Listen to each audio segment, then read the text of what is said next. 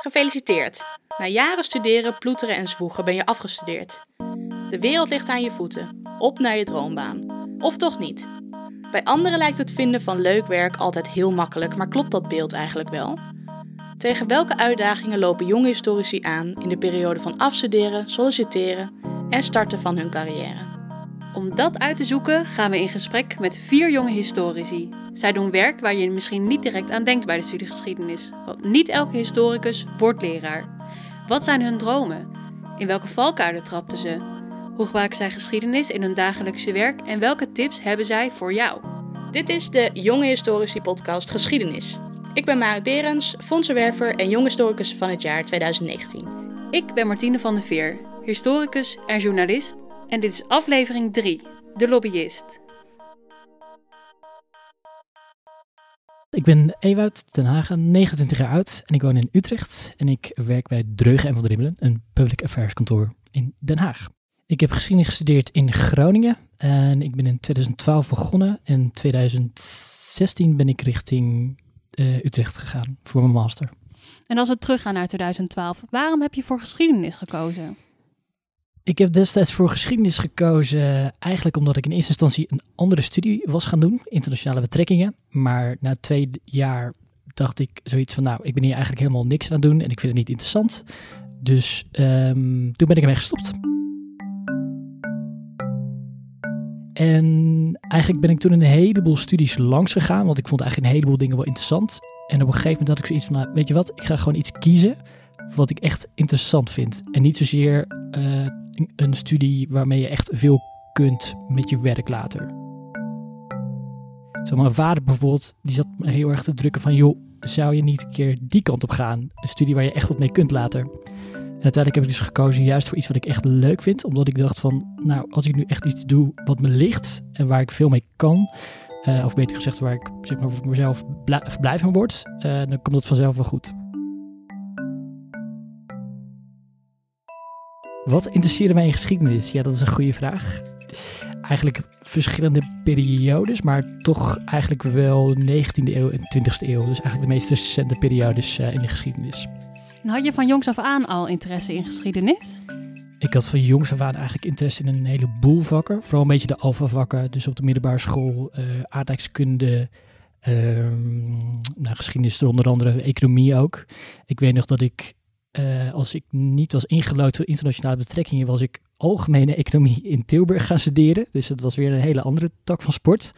Ja, eigenlijk was het gewoon heel simpel. Ik wist het gewoon niet. Ik vond een heleboel dingen interessant, waaronder geschiedenis. Um, hoe was jouw studententijd? Was dat uitgaan, stappen?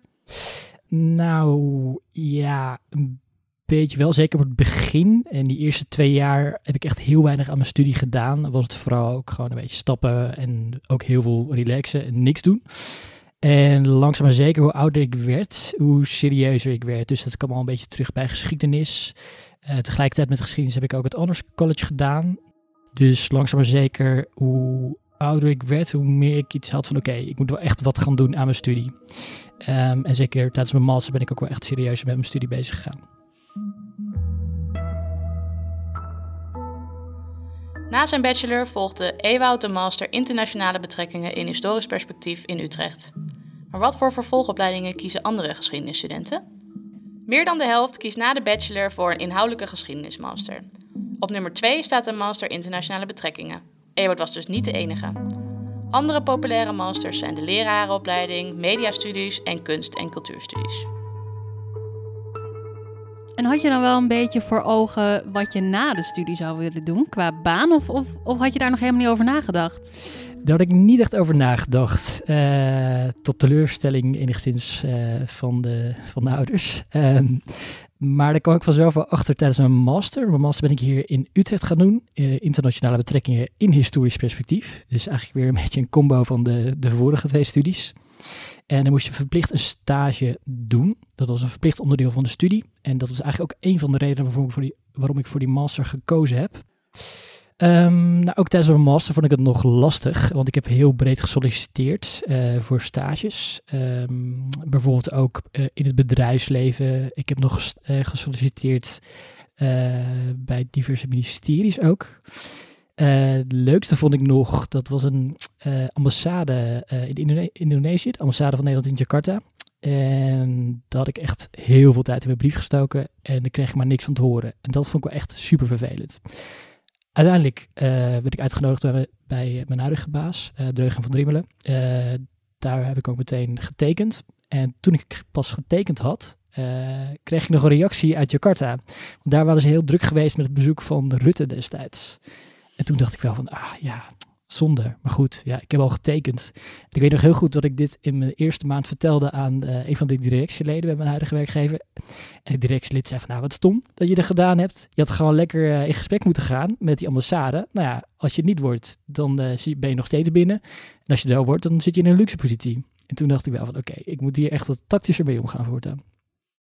En uiteindelijk was je afgestudeerd, mm -hmm. woonde je in Utrecht. Klopt. En toen moest je op zoek naar een baan.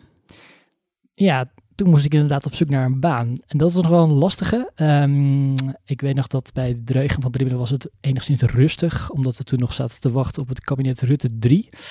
Dus hadden ze daar niet echt uh, een vraag naar een, een, uh, een, nieuwe collega. Dus toen ben ik zelf ook gaan solliciteren. En dat was toch wel redelijk pittig. Um, ik heb een paar gesprekken gehad, vooral veel brieven eruit gegooid. En uiteindelijk na iets van 2,5 maand werd ik opgebeld uh, door Frans, de baas bij het Reugen van de Rimmelen, met de vraag of ik nog steeds op zoek was naar een baan. Nou, dat was het geval. Dan zei hij, kom maar langs, dan uh, kunnen we een interessant gesprek voeren. Dus eigenlijk heb ik daar wel een beetje mazzel mee gehad, want ik merkte dat het na 2,5 maand de motivatie wel een beetje weg begon te vloeien. En toen was ik eigenlijk ook alweer bezig met zeg maar een baantje voor de time being. Gewoon om, uh, om maar geld binnen te krijgen. En dat solliciteren was best lastig, zei je. Waar lag dat aan, denk je?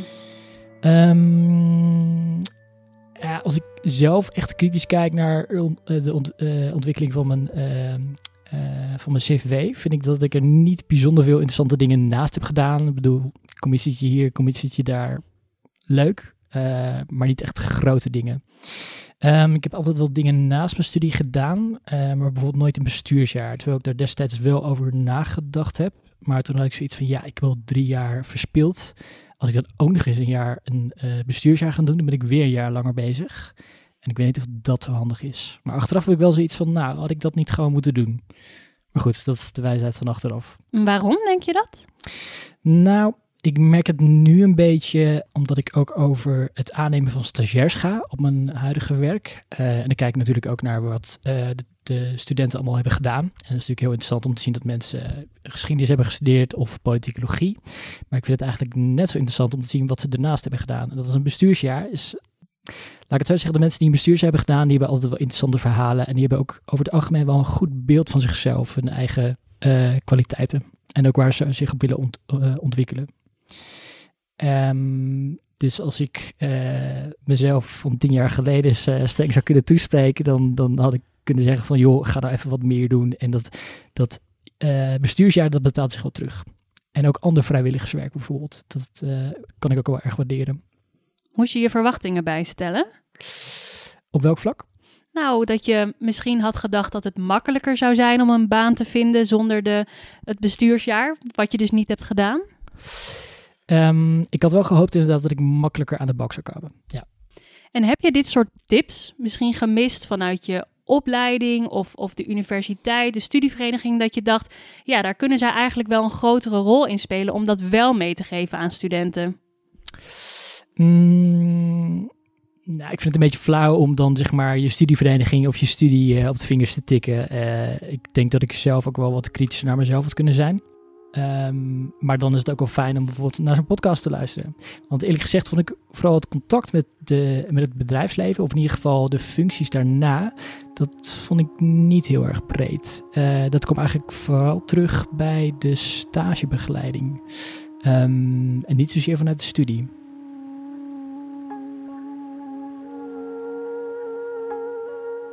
Een belangrijke vraag voor geschiedenisstudenten is natuurlijk: wat zijn de banenkansen voor historici? Volgens een onderzoek van RTL Z van november 2019 zien deze er helaas niet zo goed uit. In het lijstje van studies met de laagste maandsalaris staat de studie geschiedenis op de zesde plaats. In het lijstje van studies met de minste banenkansen staat geschiedenis zelfs nog hoger, op de vierde plaats. Toch wordt er ook bij vermeld dat 75% van de afgestudeerden uiteindelijk een baan vindt. Herkent Ewout dit beeld? Nou, eerlijk gezegd, als je op zoek gaat naar een baan die niet direct met uh, geschiedenis te maken heeft, dan kom je eigenlijk gewoon in een hele grote vijver terecht van een heleboel alfa-studenten. Uh, en zie je zelf dan nog maar eens te onderscheiden. Uh, dus als je niet per se docent geschiedenis wil worden, of bijvoorbeeld, nou, noem eens wat, in een, een museum zou willen werken, dan kan het nog best wel lastig worden, omdat er dus een heleboel mensen meedingen naar dezelfde plekken. En je hebt het al een paar keer genoemd. Je werkt nu als lobbyist. Kan je iets vertellen over je baan? Hoe ziet een the office eruit voor jou? Een day at the office. Um, het komt er vooral neer dat je bezig bent voor je klanten. Uh, voor veel van onze klanten zijn wij de ogen en oren in Den Haag. Dus wij houden in de gaten wat er precies gebeurt. Als er relevante ontwikkelingen zijn, dan uh, attenderen we ze daarop. En we ondersteunen onze uh, klanten ook op het gebied van hun belangenbehartiging. Dus we zetten een strategie met ze op en we kijken vervolgens in hoe we die het beste kunnen invullen. Ik merk dat veel mensen, uh, of dat er over het algemeen een beetje een negatief beeld uh, bestaat van de lobbyist. Um, wat maar ten dele terecht is. Als ik namelijk zeg dat ik uh, klanten ondersteun bij een belangenbehartiging, dan denken mensen, oh nou, dat, dat doet de jongen goed, prima, zou die vaker moeten doen. Uh, terwijl als ik zeg dat ik ben lobbyist, dan word ik door uh, redelijk wat mensen een beetje uh, sumier aangekeken van, mm, ik weet niet of ik met deze gast in zee wil. hoe je het in feite moet zien, een lobbyist, of beter gezegd een adviseur in public affairs, want zo noemen we onszelf. want in feite is lobby maar een onderdeel van ons werk. Um, maar waar we ons bezig mee houden is dus de belangenbehartiging en de communicatie van het bedrijf, bedrijfsleven naar de buitenwereld toe.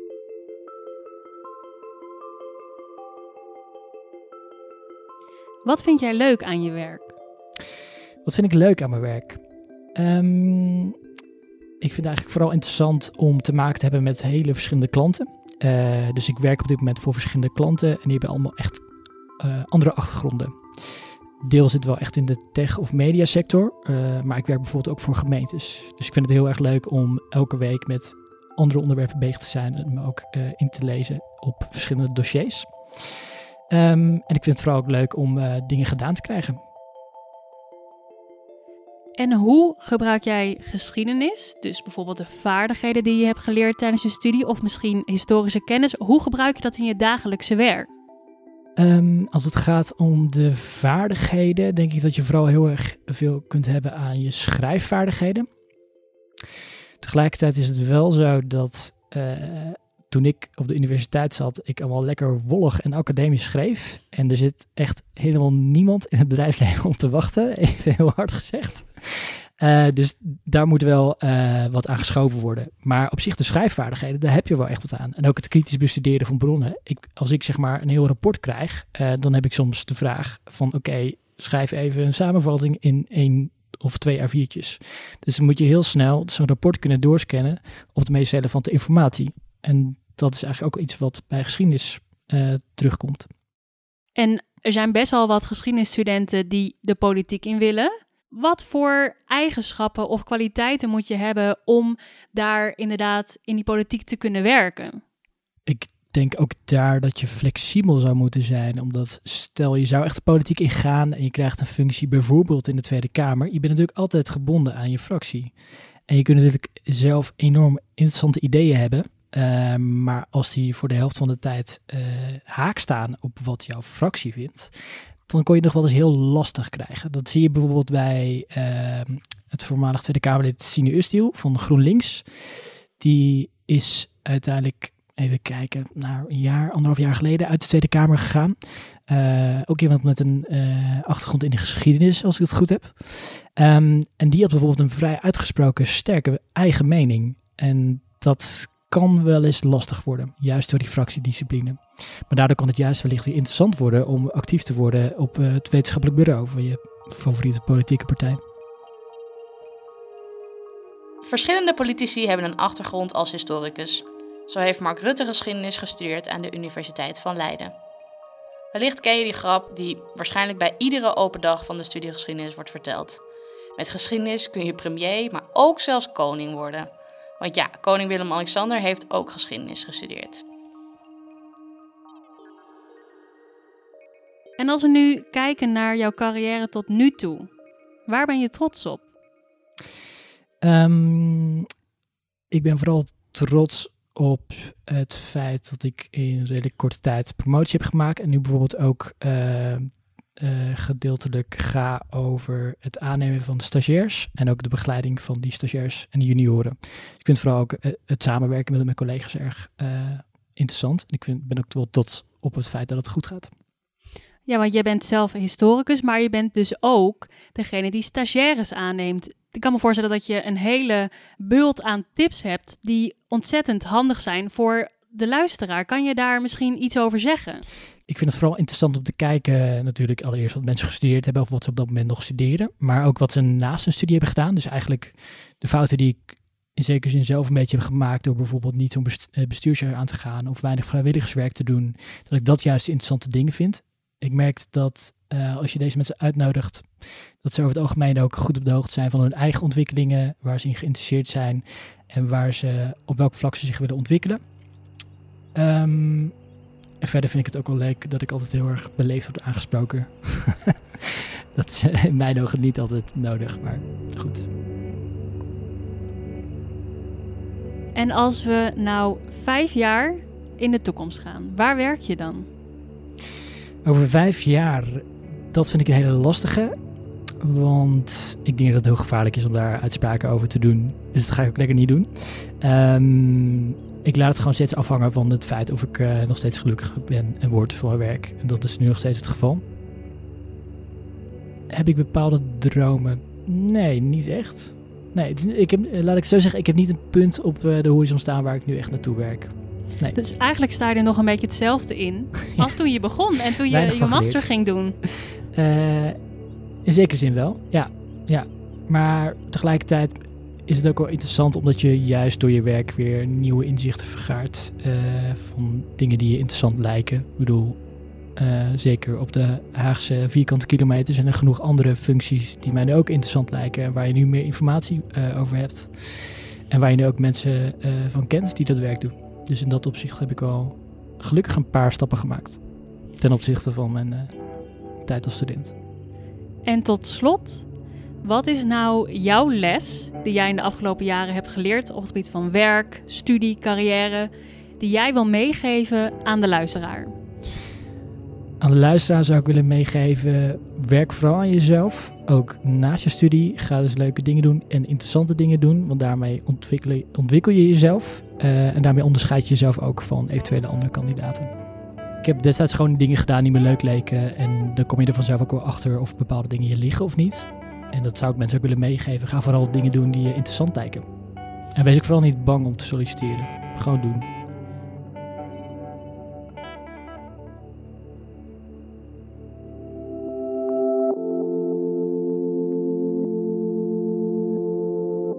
Je luisterde naar de Jonge Historici podcast Geschiedenis. Vind je dit een leuke podcast? Abonneer je dan, want er komen nog meer afleveringen. En laat de recensie achter. Dan kunnen anderen deze podcast ook sneller vinden. Fleur, Rens, Ewoud en Welmoed, bedankt dat jullie zo openhartig vertelden over de leuke en minder leuke kanten van het vak als historicus. De podcast Geschiedenis werd gemaakt voor de Stichting Jonge Historici met steun van Stichting GoFonds en de Gravin van Bieland Stichting. Idee en productie door Marit Berends, interview en montage door Martine van der Veer. Zie je naar deze aflevering met vragen over het zoeken van een baan of over het werk als historicus? Kijk dan op de website van Jonge Historici www.jhsg.nl. In de volgende aflevering. Haak je jezelf niet te veel vast aan je dromen. Ik denk dat het heel lastig is als je, als je jong bent en je hebt van, oh, ik word archivaris, ik zeg maar wat. Um, en, en, en dat op een, een of andere manier het niet lukt. Of dat op een of andere manier het niet is wat je denkt of hoe, hoe het gaat. Ik denk dat dat een misschien wat relaxtere houding in, in wat je toekomst brengt, dat dat uh, heel nuttig is voor mensen.